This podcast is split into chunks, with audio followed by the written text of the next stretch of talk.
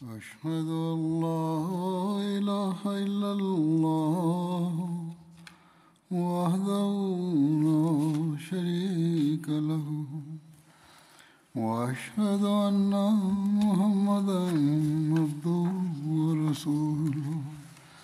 أما بعد فأعوذ بالله من الشيطان الرجيم.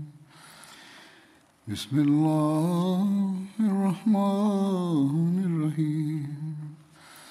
الحمد لله رب العالمين. الرحمن الرحيم. مالك يوم الدين. إياك نعبد وإياك نستعين. اهدنا الصراط المستقيم صراط الذين أنعمت عليهم غير المغضوب عليهم ولا الضالين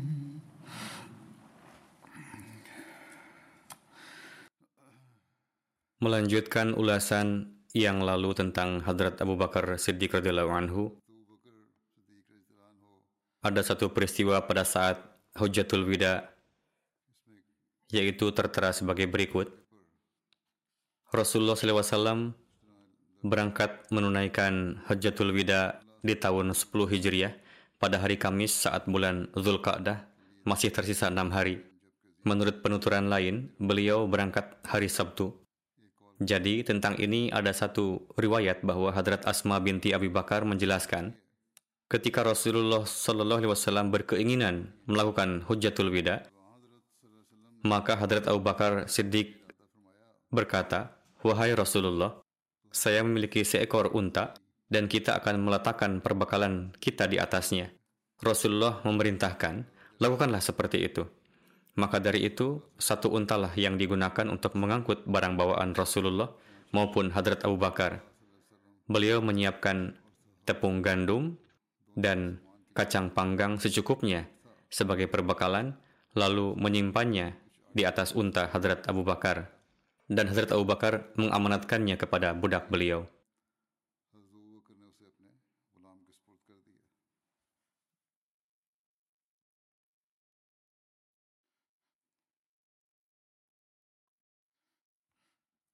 Hazrat Asma binti Abi Bakar menjelaskan, kami telah berangkat untuk berhaji bersama Rasulullah. Ketika kami tiba di tempat bernama Arsh, Rasulullah turun dari tunggangan beliau dan kami pun turun. Hadrat Aisyah duduk bersandar di salah satu bahu Rasulullah. Lalu saya pun duduk pada bahu ayah saya. barang-barang milik Rasulullah dan Hadrat Abu Bakar diletakkan di satu unta yang sama sebagaimana telah dijelaskan sebelumnya, yaitu di atas unta yang ada pada budak Hadrat Abu Bakar. Hadrat Abu Bakar lalu menunggu kedatangannya. Budak itu tiba, namun ia tidak bersama unta tersebut. Hadrat Abu Bakar berkata, ada di mana untamu? Ia menjawab, saya telah kehilangan unta itu sejak malam kemarin. Hadrat Abu Bakar berkata, hanya satu unta yang ada, tetapi unta itu pun telah kamu hilangkan. Hadrat Abu Bakar berdiri dan hendak memukulinya. Namun Rasulullah tersenyum dan bersabda, Lihatlah orang yang sedang berihram ini. Apa yang tengah ia lakukan? Ibnu Abi Rizmah berkata, Rasulullah SAW tidak bersabda lebih dari itu, yaitu agar Hadrat Abu Bakar tidak melakukannya. Dan melihat orang lain yang tengah berihram, dan beliau pun tersenyum.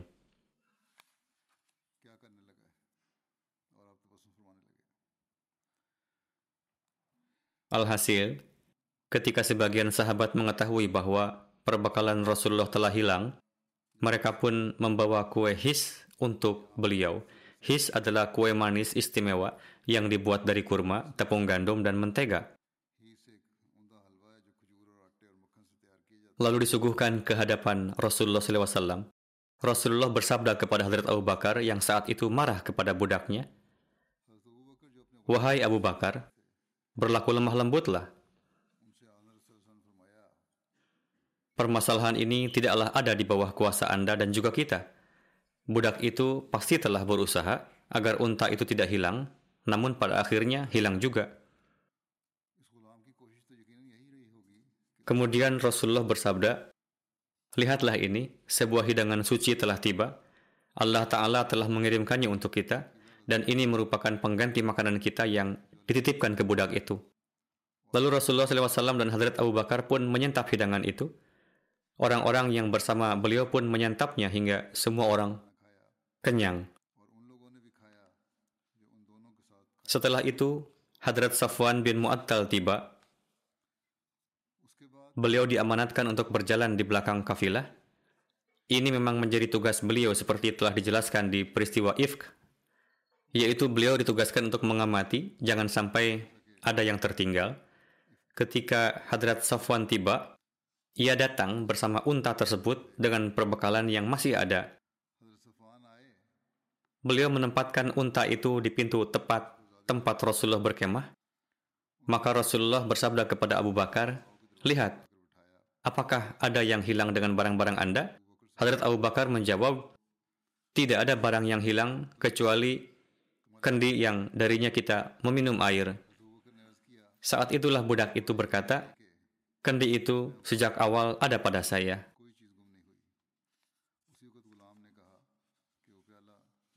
Diriwayatkan dari Hadrat Abu Bakar Siddiq radhiyallahu anhu bahwa pada kesempatan Hujjatul Wida beliau berangkat bersama Rasulullah untuk menunaikan ibadah haji dan istri beliau Hadrat Asma binti Umais radhiallahu anha pun ikut serta. Singkatnya ketika mereka tiba di Zulhalifah, Hadrat Asma melahirkan Muhammad bin Abu Bakar di sana.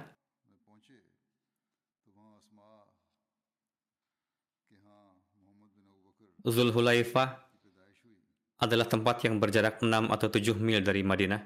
Kemudian Hadrat Abu Bakar menemui Nabi Akram Sallallahu Alaihi Wasallam dan menyampaikan kepada beliau tentang kelahiran yang seperti itu.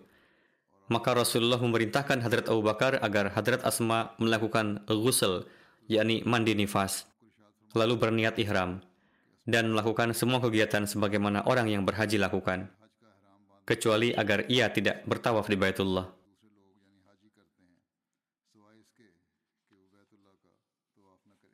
Ketika Rasulullah melewati Wadi Usfan, maka Rasulullah bertanya kepada Abu Bakar, Wahai Abu Bakar, wadi apakah ini?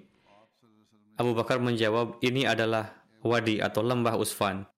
Rasulullah bersabda, Nabi Hud dan Nabi Salih melewati tempat ini di atas dua unta merah dengan tali kekang dari pelepah kurma, mengenakan jubah panjang dan ditutupi selimut hitam bercorak, seraya terus mengucapkan talbiyah menuju Baitul Atiq untuk menunaikan haji.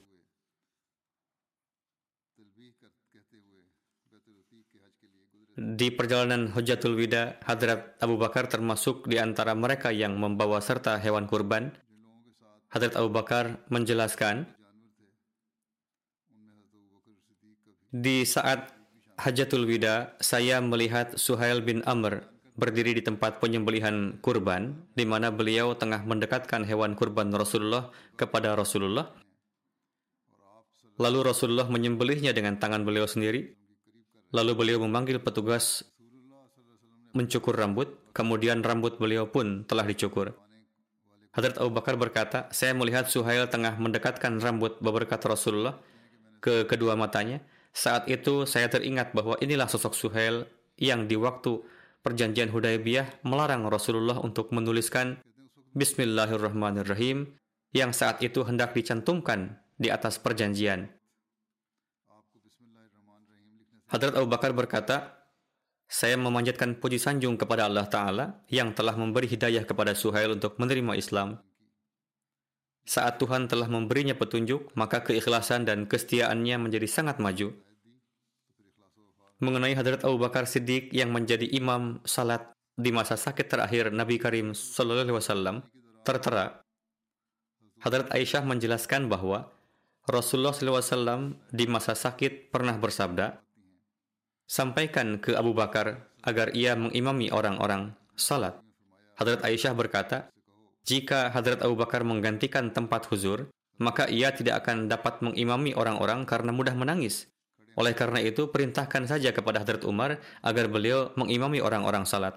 Hadrat Aisyah menuturkan, lalu saya menyampaikan kepada Hadrat Hafsah, Anda mohon sampaikan kepada Rasulullah bahwa jika Hadrat Abu Bakar menggantikan tempat Rasulullah, maka beliau tidak akan dapat mengimami orang-orang karena mudah menangis.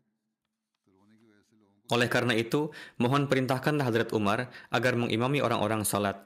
Maka Hadrat Hafsah pun menyampaikannya. Lalu Rasulullah pun bersabda, dengan nada marah, harap Anda diam. Mengapa menjadi seperti perempuan di masa Yusuf? Sampaikanlah kepada Abu Bakar agar ia mengimami orang-orang sholat. Sebelum kewafatan, tatkala Rasulullah sakit, Hadrat Bilal meminta Hadrat Umar untuk mengimami salat saat Hadrat Abu Bakar tidak ada. Ketika Rasulullah mendengar suara Hadrat Umar dari kamar beliau, maka Rasulullah bersabda, "Di mana Abu Bakar?" Allah dan umat muslim tidak menghendaki jika selain Abu Bakar ada sosok lain yang memimpin salat. Lalu Hadrat Abu Bakar pun dipanggil, dan beliau tiba saat Hadrat Umar selesai mengimami salat. Setelah itu, selama masa sakit Rasulullah hingga kewafatan beliau, Hadrat Abu Bakarlah yang terus mengimami salat.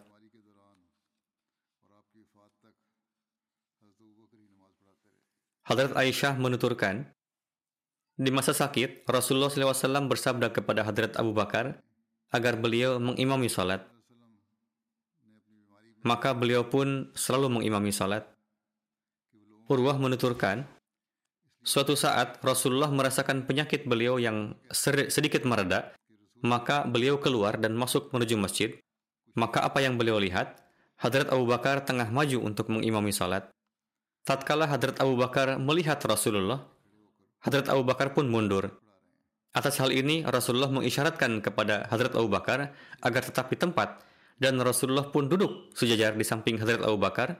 Lalu Hadrat Abu Bakar salat bersama-sama, salat Rasulullah, dan orang-orang mengikuti salat Hadrat Abu Bakar.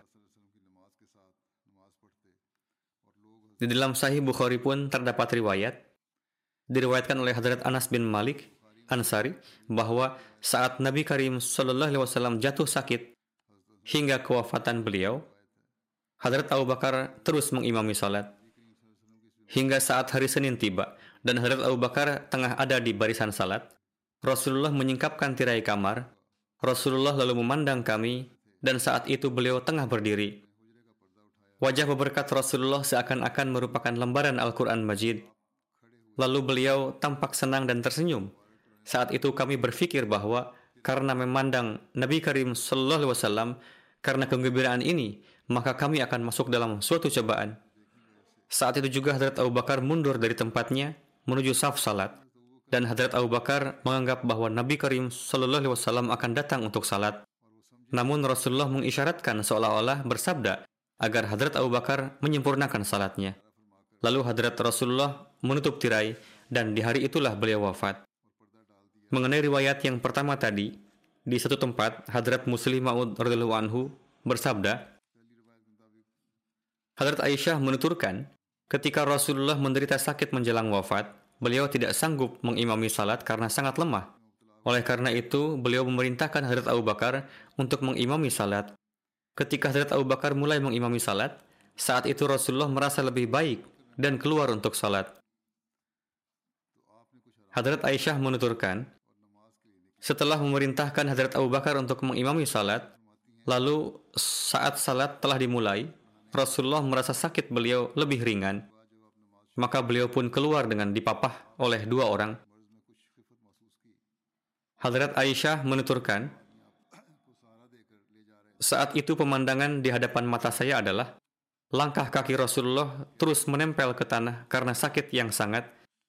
Melihat Rasulullah, Hadrat Abu Bakar pun hendak mundur ke belakang, Mengetahui keinginan tersebut, Rasulullah memberi isyarat kepada Hadrat Abu Bakar agar tetap di tempatnya.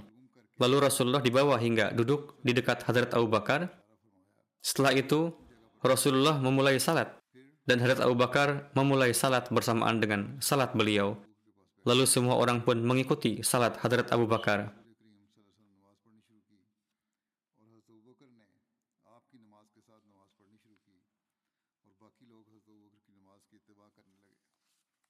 mengenai kewafatan Rasulullah SAW, Urwah bin Zubair di satu tempat meriwayatkan dari istri suci Rasulullah, yakni Hadrat Aisyah, bahwa Rasulullah telah wafat.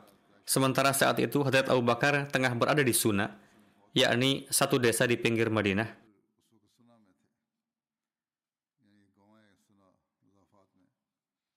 Mendengar kabar tersebut, Hadrat Umar pun berdiri. Saat kabar kewafatan Rasulullah tiba, Hadrat Abu Bakar tidak di tempat, dan yang ada adalah Hadrat Umar.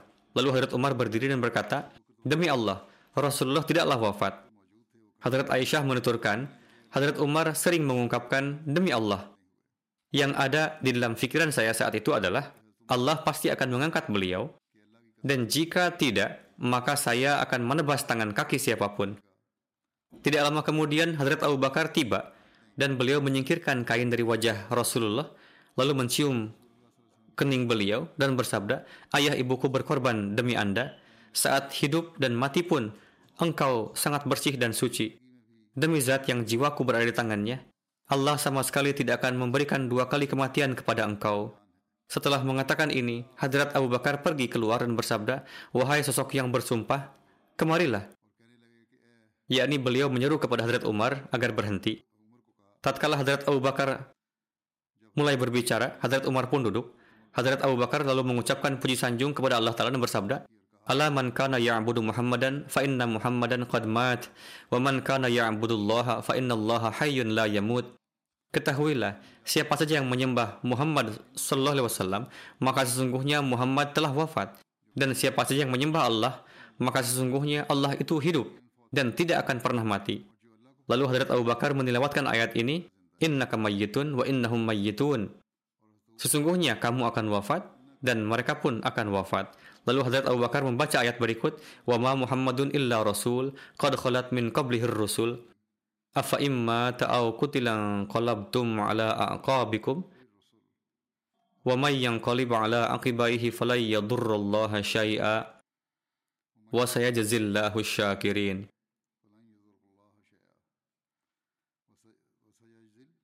dan Muhammad tidak lain hanyalah seorang rasul sungguh telah berlalu rasul-rasul sebelumnya apakah jika beliau mati atau terbunuh kamu akan berbalik atas tumitmu dan barang siapa berbalik atas tumitnya, maka ia tidak akan memudaratkan Allah sedikit pun.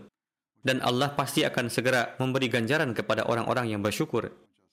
Perawi menuturkan, setelah mendengar ayat ini, orang-orang menangis sangat terseduh-seduh. Hadrat Ibnu Anas berkata, Demi Allah, saat Hadrat Abu Bakar membaca ayat itu, orang-orang seolah tidak mengetahui bahwa Allah pun pernah menurunkan ayat tersebut.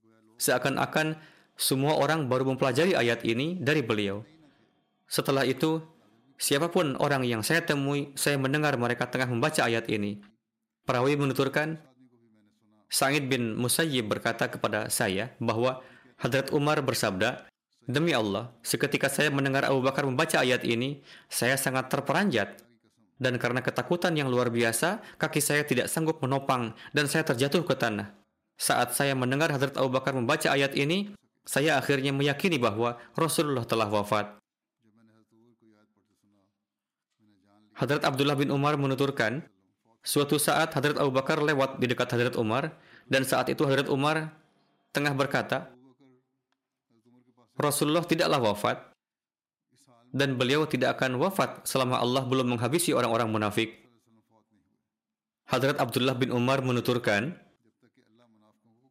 setelah mendengar hal itu, para sahabat menzahirkan kebahagiaan dan menengadahkan kepala mereka, Hadrat Abu Bakar bersabda kepada Hadrat Umar, Wahai manusia, sesungguhnya Rasulullah SAW telah wafat.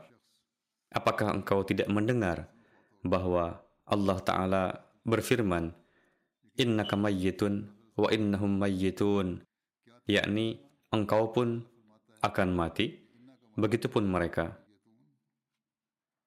Selanjutnya bersabda, Wa ma ja'alna li basharin min qablikal khuld, yakni kami tidak memberikan keabadian kepada seorang manusia pun sebelum kalian.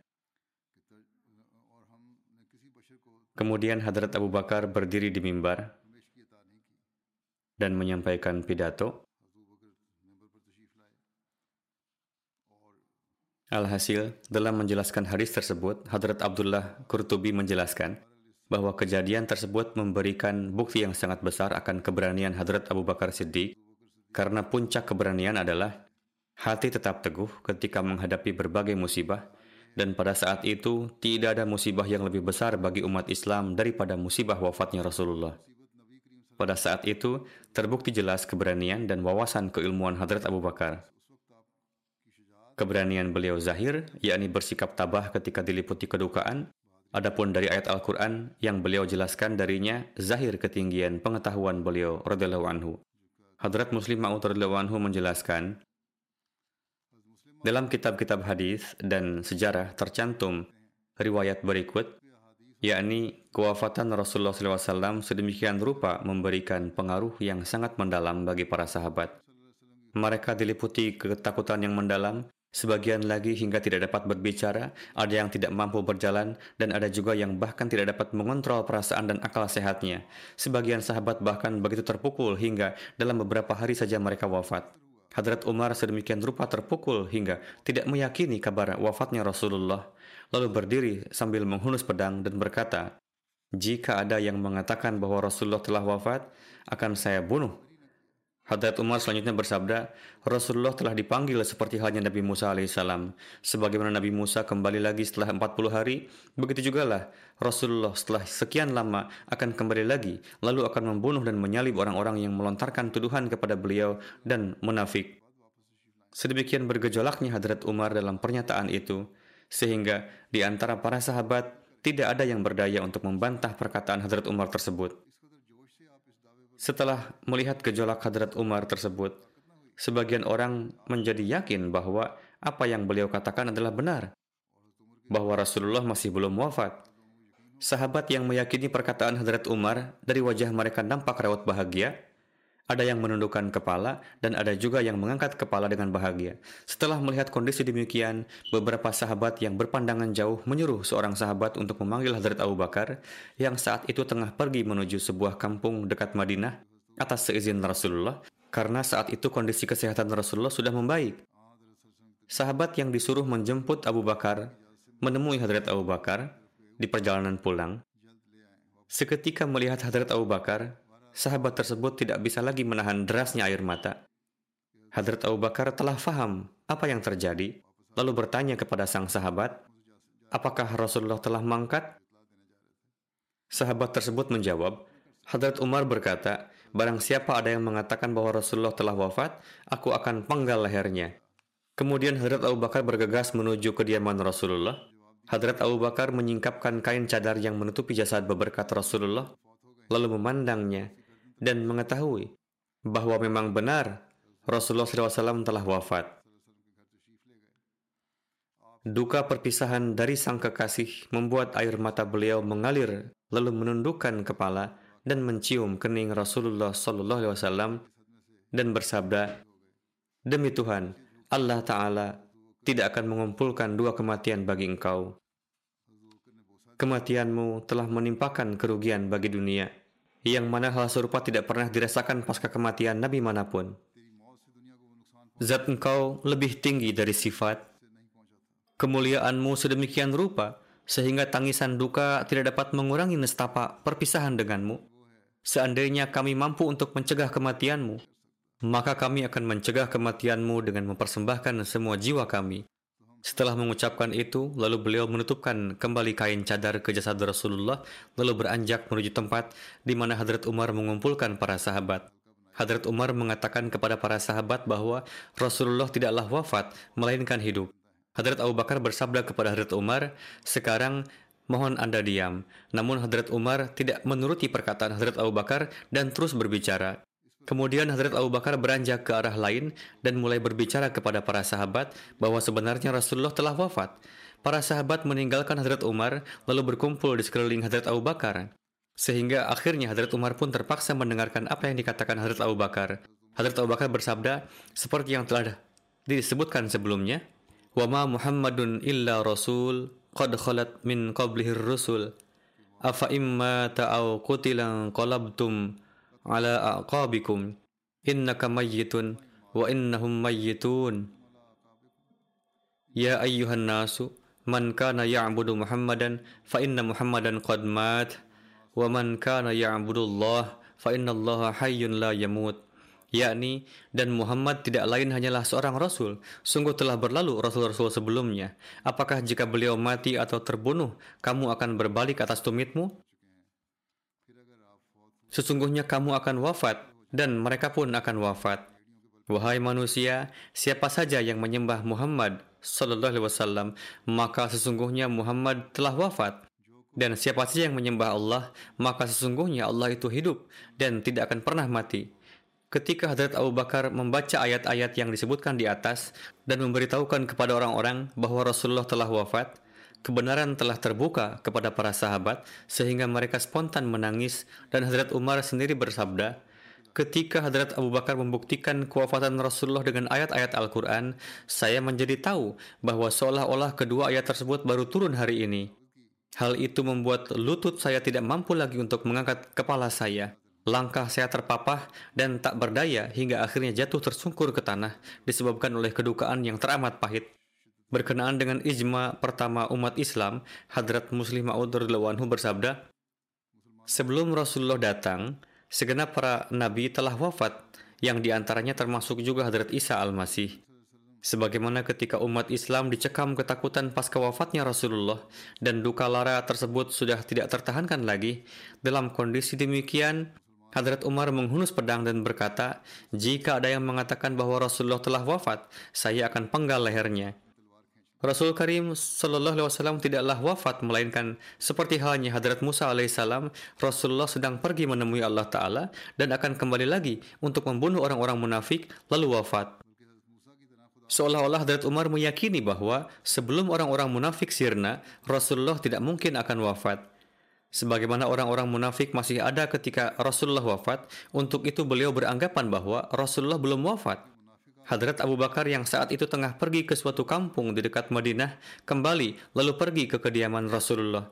Beliau melihat jasad beberkat Rasulullah dan mengetahui bahwa Rasulullah benar-benar telah wafat. Lalu Hadrat Abu Bakar beranjak keluar dan bersabda, Allah Ta'ala tidak akan memberikan dua kematian kepada Rasulullah SAW, yakni kematian pertama jasmani dan kedua adalah rohani, yakni kerusakan umat Islam pasca wafatnya beliau. Lalu beliau langsung menuju kumpulan para sahabat dan berkata kepada orang-orang, "Saya ingin mengatakan sesuatu." Hadrat Umar saat itu membawa pedang dan beriradah untuk membunuh siapa pun yang menyatakan bahwa Rasulullah telah wafat. Hadrat Abu Bakar berdiri dan mengatakan hal yang sama kepada orang-orang. Beliau berkata,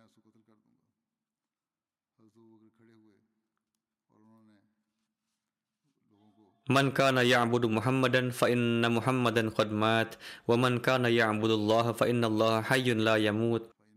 Siapa saja yang menyembah Muhammad sallallahu alaihi wasallam, maka sesungguhnya Muhammad telah wafat. Dan siapa saja yang menyembah Allah, maka sesungguhnya Allah itu hidup dan tidak akan pernah mati. Kemudian membaca ayat berikut seperti yang telah disebutkan sebelumnya,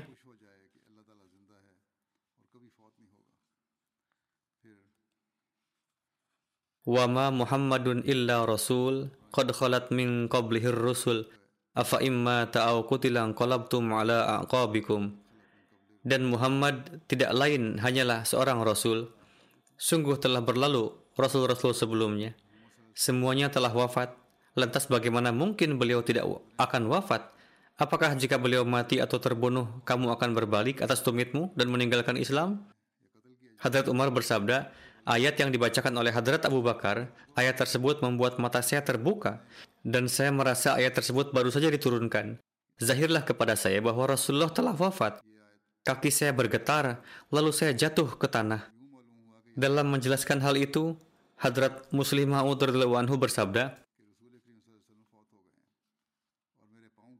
Ini merupakan satu ijma sahabat, karena pada saat itu semua sahabat hadir dan sebenarnya kesempatan seperti itu tidak pernah datang sebelumnya pada umat Islam karena umat Islam tidak pernah berkumpul seperti itu.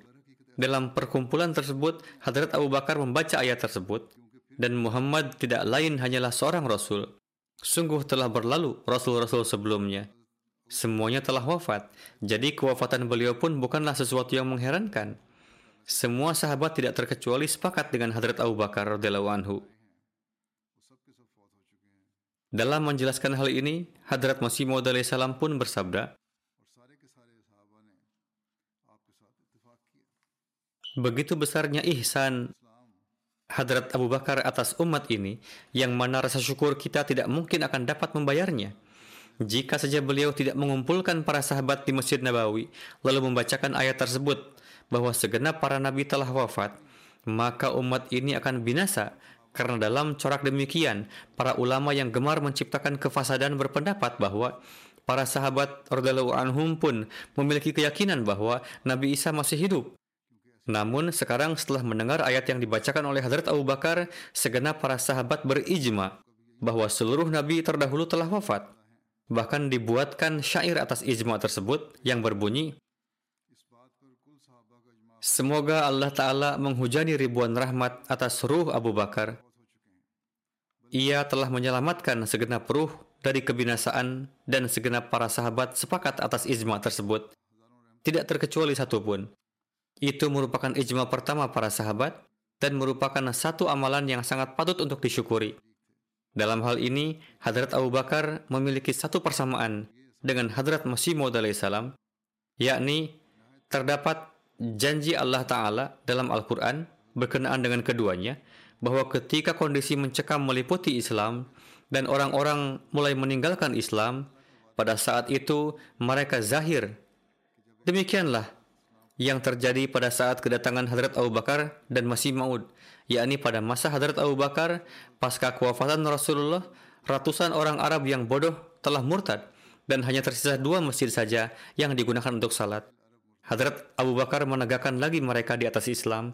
Begitu juga lah pada masa Masih Maud, ratusan ribu muslim murtad lalu masuk Kristen. Kedua keadaan tersebut tertulis dalam Al-Quran sebagai satu nubuatan. Berkenaan dengan kekhalifahan Hadrat Abu Bakar, diriwayatkan bahwa ketika para sahabat mengetahui kabar kewafatan Rasulullah, lalu Ansar berkumpul di Thaqifah Banu Sa'idah, dalam perkumpulan tersebut dibincangkan perihal khilafat dan kaum Ansar berkumpul di sekeliling pemimpin Khajraj yakni Sa'ad bin Ubadah. Hadrat Sa'ad bin Ubadah saat itu tengah sakit. Ketika menjelaskan secara rinci perihal pengorbanan dan pengkhidmatan Ansar terhadap Islam, Hadrat Sa'ad menyatakan bahwa Ansar berhak untuk khilafat. Namun Ansar menetapkan Hadrat Sa'ad bin Ubadah sesuai untuk menjadi khalifah. Namun belum saja mereka bayat kepada Sa'ad bin Ubadah, di antara mereka ada yang bertanya, jika muhajirin tidak mengakui kekhalifahan Sa'ad bin Ubadah, apa yang akan terjadi? Ada seorang pria mengusulkan bahwa hendaknya mengangkat satu khalifah dari kalangan Ansar dan satu lagi dari kalangan muhajirin. Namun Hadrat Sa'ad bin Ubadah menyatakan hal itu sebagai kelemahan Banu Aus. Ketika kaum Ansar mem memperbincangkan perihal khilafat di Sakifah Banu Sa'idah, Hadrat Umar bin Khattab, Hadrat Abu Ubaidah bin Jarrah, dan sahabat besar lainnya tengah membincangkan peristiwa agung kewafatan Rasulullah di Masjid Nabawi. Adapun Hadrat Abu Bakar Siddiq, Hadrat Ali, dan para ahli bait lainnya tengah sibuk dalam mengatur pengurusan jenazah Rasulullah SAW tidak ada yang memikirkan perihal khilafat dan tidak mengetahui bahwa kaum Ansar telah berkumpul untuk membicarakan masalah khilafat dan ingin menjatuhkan pilihannya sebagai amir kepada salah seorang dari antara mereka sendiri. Tertulis dalam Tabaqatul Kubur bahwa Hadrat Umar pergi menemui Hadrat Abu Ubaidah bin Jarrah dan berkata, tolong julurkan tangan Anda, saya akan bayat di tangan Anda.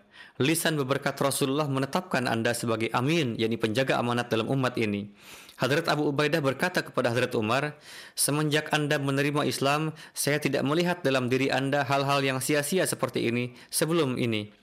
Apakah Anda akan bayat kepada saya, padahal di antara mu terdapat Siddiq dan Thaniyas Nain, yakni Hadrat Abu Bakar?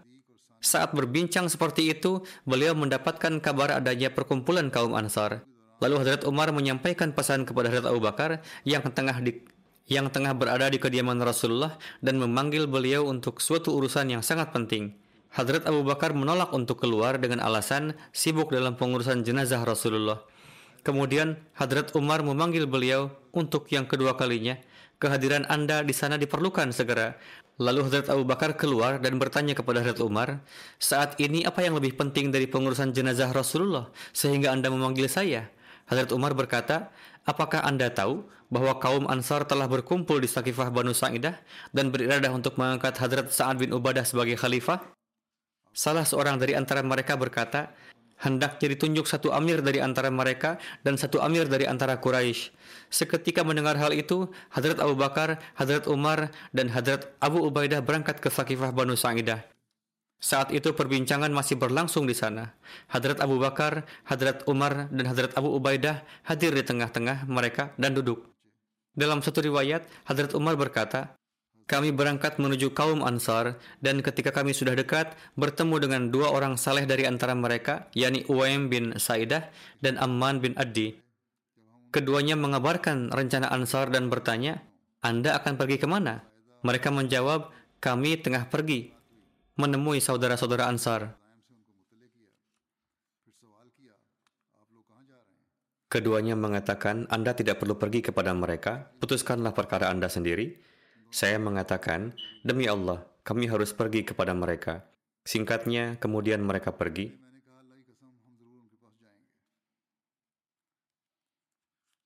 Hadrat Umar meriwayatkan, kami sampai kepada kaum Ansar. Saya telah memikirkan dalam hati saya satu topik untuk disampaikan di hadapan kaum Ansar.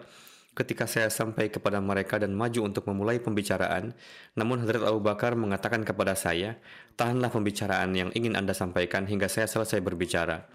Kemudian Hadrat Abu Bakar mulai berbicara, dan apa yang ingin saya sampaikan, hal tersebut telah disampaikan oleh Hadrat Abu Bakar. Bahkan beliau telah menyampaikan lebih dari itu. Ringkasan dari pidato yang disampaikan oleh Hadrat Abu Bakar Anhu adalah sebagai berikut. Abdullah bin Abdurrahman meriwayatkan bahwa Hadrat Abu Bakar radhiallahu anhu mulai berpidato setelah menyampaikan puji sanjung kepada Allah Ta'ala. Beliau berkata, sesungguhnya Allah telah mengutus Muhammad sallallahu alaihi wasallam kepada makhluknya sebagai rasul dan pengawas umatnya supaya mereka beribadah kepada Allah dan menyatakan ketauhidannya Meskipun sebelumnya mereka beribadah kepada sembahan-sembahan lain selain Allah dan mengatakan bahwa sembahan ini adalah pemberi syafaat di hadapan Allah dan memberikan manfaat, padahal sembahan-sembahan itu dipahat dari batu dan dibuat dari kayu. Kemudian Hadrat Abu Bakar anhu membacakan ayat ini. وَيَعْبُدُونَ مِن دُونِ اللَّهِ مَا لَا يَضُرُّهُمْ وَلَا يَنْفَعُهُمْ وَيَقُولُونَ هَؤُلَاءِ شُفَعَاؤُنَا عِندَ اللَّهِ dan mereka menyembah selain Allah, sesuatu yang tidak dapat mendatangkan kerugian kepada mereka dan tidak pula memberi manfaat. Dan mereka berkata, mereka itu adalah pemberi syafaat kami di hadapan Allah. Ma na'buduhum illa liyuqarribuna ilallahi zulfa.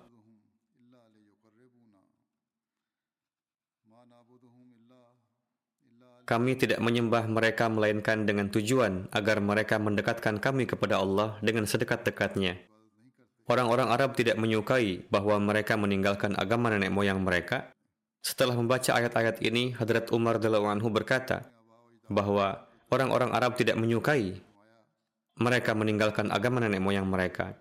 Alhasil, dari antara kaum beliau sallallahu alaihi wasallam, Allah telah memberikan keistimewaan kepada awalin muhajirin untuk mengakui kebenaran beliau sallallahu alaihi wasallam dan untuk mengimani beliau sallallahu alaihi wasallam dan untuk bersimpati kepada Rasulullah dan untuk bersiteguh bersama beliau di masa penganiayaan dan pendustaan oleh kaum beliau. Hadrat Abu Bakar berkata, Meskipun semua orang menentang mereka dan menzalimi mereka, namun meskipun jumlah mereka sedikit dan penganiayaan yang dilakukan oleh semua orang dan kaum mereka bersatu untuk menentang mereka, mereka tidak pernah merasa takut dan mereka adalah yang pertama beribadah kepada Allah dan mereka beriman kepada Allah dan Rasulnya. Dan mereka adalah sahabat dan keluarga Rasulullah SAW dan sepeninggal Rasulullah, merekalah yang paling berhak atas kedudukan ini. Tidak akan ada yang berselisih dengan mereka dalam hal ini kecuali orang yang zalim. Wahai kelompok Ansor, dan kalian adalah orang-orang yang keutamaannya dalam agama dan peranan pentingnya dalam Islam tidak dapat disangkal dikarenakan menjadi penolong agama Allah dan Rasulnya. Allah telah ridho kepada kalian dan dia pun telah menetapkan hijrah Rasulullah SAW menuju kalian. Sebagian besar istri dan sahabat beliau Sallallahu Alaihi Wasallam tinggal bersama kalian di sini. Dalam pandangan kami, setelah muhajirin awalin, tidak ada orang lain yang memiliki kedudukan seperti kalian.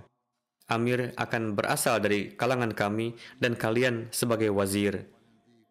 Dalam setiap perkara penting akan diambil musyawarah dari kalian dan kami tidak akan memutuskan perkara-perkara penting tanpa kalian berkenaan dengan pidato yang disampaikan Hadrat Abu Bakar anhu di Sakifah Banu Sa'idah dalam Sirat Halbiyah terdapat riwayat sebagai berikut Hadrat Abu Bakar bersabda, Amma ba'd, sejauh kaitannya dengan khilafat, orang-orang Arab tidak akan menerima suku lain untuk kedudukan ini selain Quraisy. Quraisy adalah yang paling mulia dan paling tinggi ditinjau dari segi garis keturunan dan tanah air mereka, yakni Mekah. Dalam hal garis keturunan, kami terhubung dengan semua orang Arab, karena tidak ada suatu kabilah yang dengan suatu dan lain cara tidak memiliki hubungan kekerabatan dengan Quraisy. Kami para muhajirin adalah orang-orang yang paling pertama menerima Islam. Kami juga merupakan handai tolan, sanak keluarga, dan kerabat kandung. Beliau Sallallahu Alaihi Wasallam. Kami adalah keluarga Nabi, yakni ahli nubuat dan yang memiliki hak atas khilafat.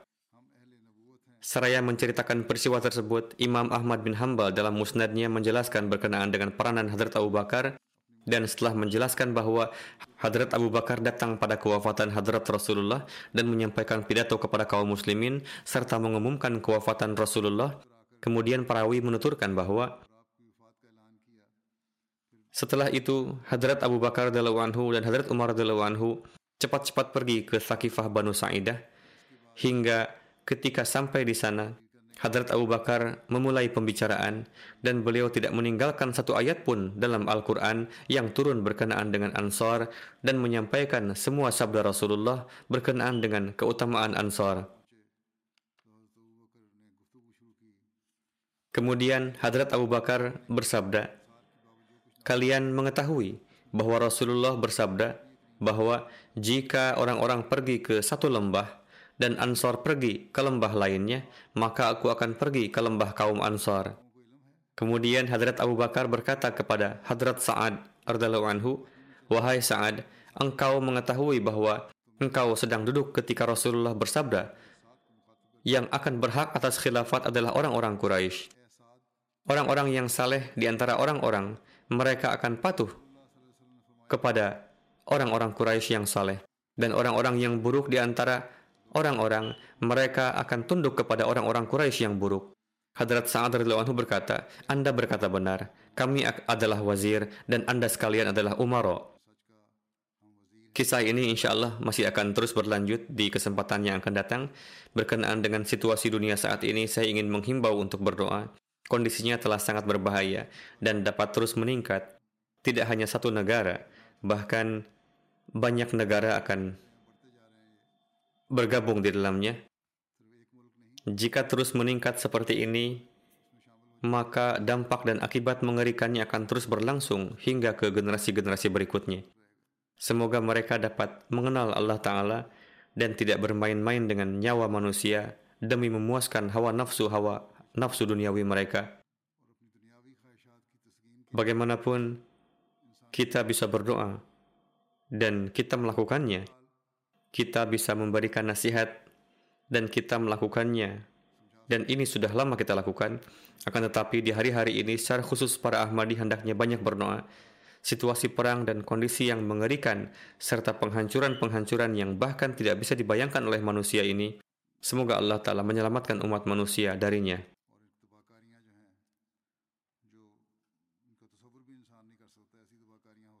Setelah salat, nanti saya akan menyalatkan satu jenazah gaib, yaitu yang terhormat Khushi Muhammad Syakir Sahib, seorang mubalik jemaat. Beliau wafat beberapa hari yang lalu pada usia 69 tahun. Innalillahi wa inna ilaihi raji'un. Dengan karunia Allah Ta'ala, beliau seorang musi. Ahmadiyah masuk dalam keluarga beliau melalui kakek beliau Hadrat Maulwi Karim Baksh Sahib, sahabat Hadrat Masih Maud salam. Beliau bayat setelah melihat tanda ta'un. Demikian juga Hadrat Haji Muhammad Abdullah Sahib yang merupakan saudara laki-laki dari istri Hadrat Maulwi Karim Baksh Sahib, Fazal Bibi Sahibah juga mendapatkan karunia bayat di tangan Hadrat Akdas Masih Maud salam. Nama Hadrat Haji Muhammad Abdullah Sahib tertulis sebagai sahabat di urutan nomor 23 pada daftar para sahabat Hadrat Masih Maud salam dalam Tarikh Ahmadiyah jilid 8. Berkenaan dengan Khushi Muhammad Syakir Sahib, beliau lulus ujian metrik pada tahun 69, kemudian mewakafkan diri. Beliau masuk Jamiah Ahmadiyah.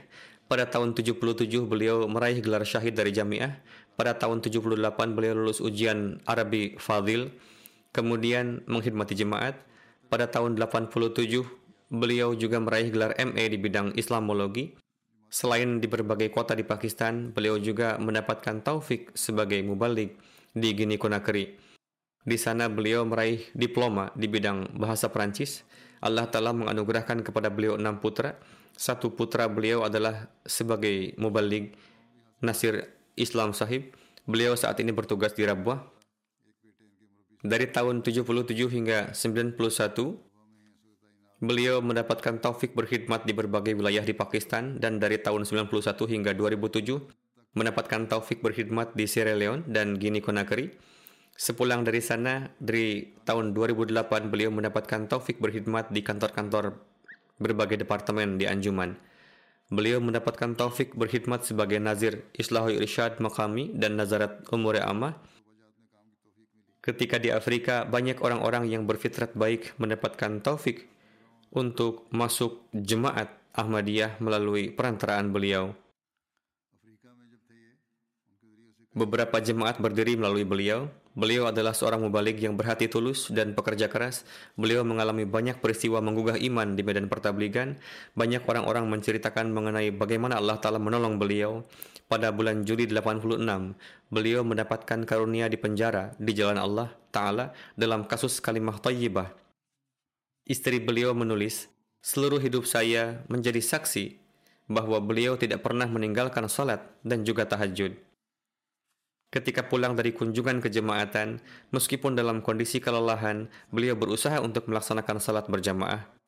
Meskipun sedang sakit keras hingga sulit berjalan, namun beliau tetap pergi untuk sholat berjamaah. Beliau memiliki banyak keistimewaan. Beliau senantiasa sibuk dalam memenuhi hukukullah dan hukukul ibad.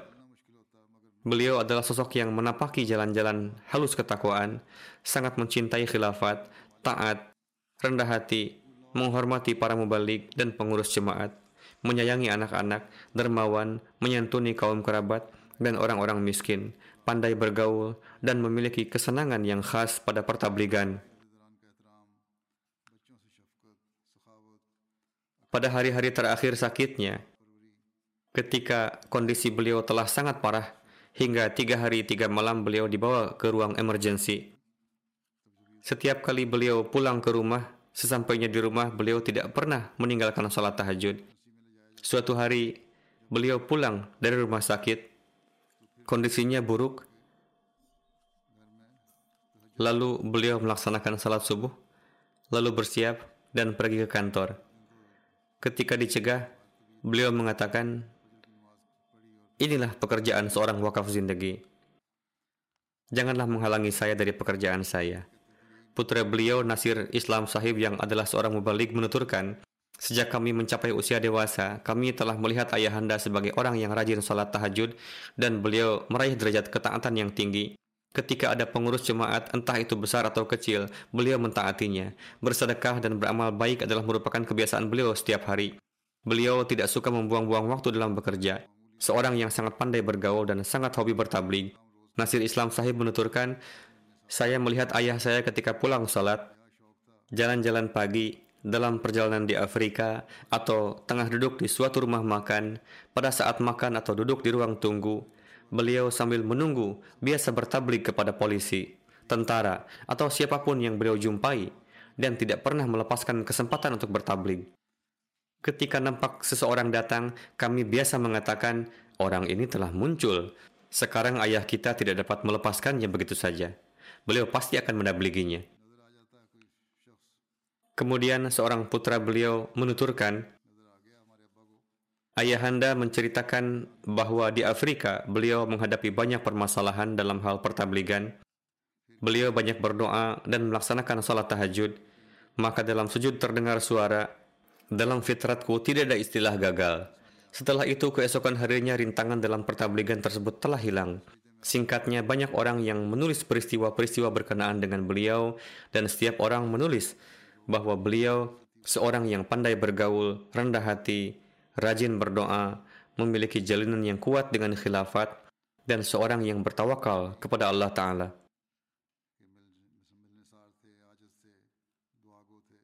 Semoga Allah Ta'ala menganugerahkan magfirah dan rahmatnya kepada beliau, meninggikan riat beliau, serta memberikan taufik kepada anak keturunan beliau untuk dapat meneruskan kebaikan-kebaikan beliau.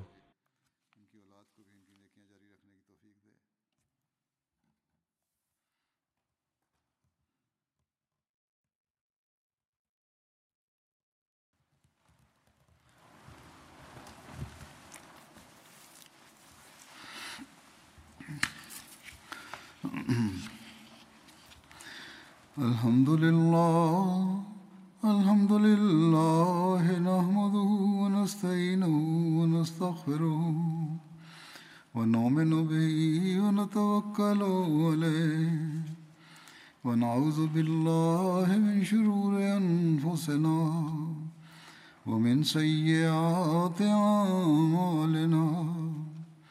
من يهده الله فلا مضل له ومن يضلل فلا هادي له. ونشهد أن لا إله إلا الله. ونشهد أن محمدا عبده ورسوله.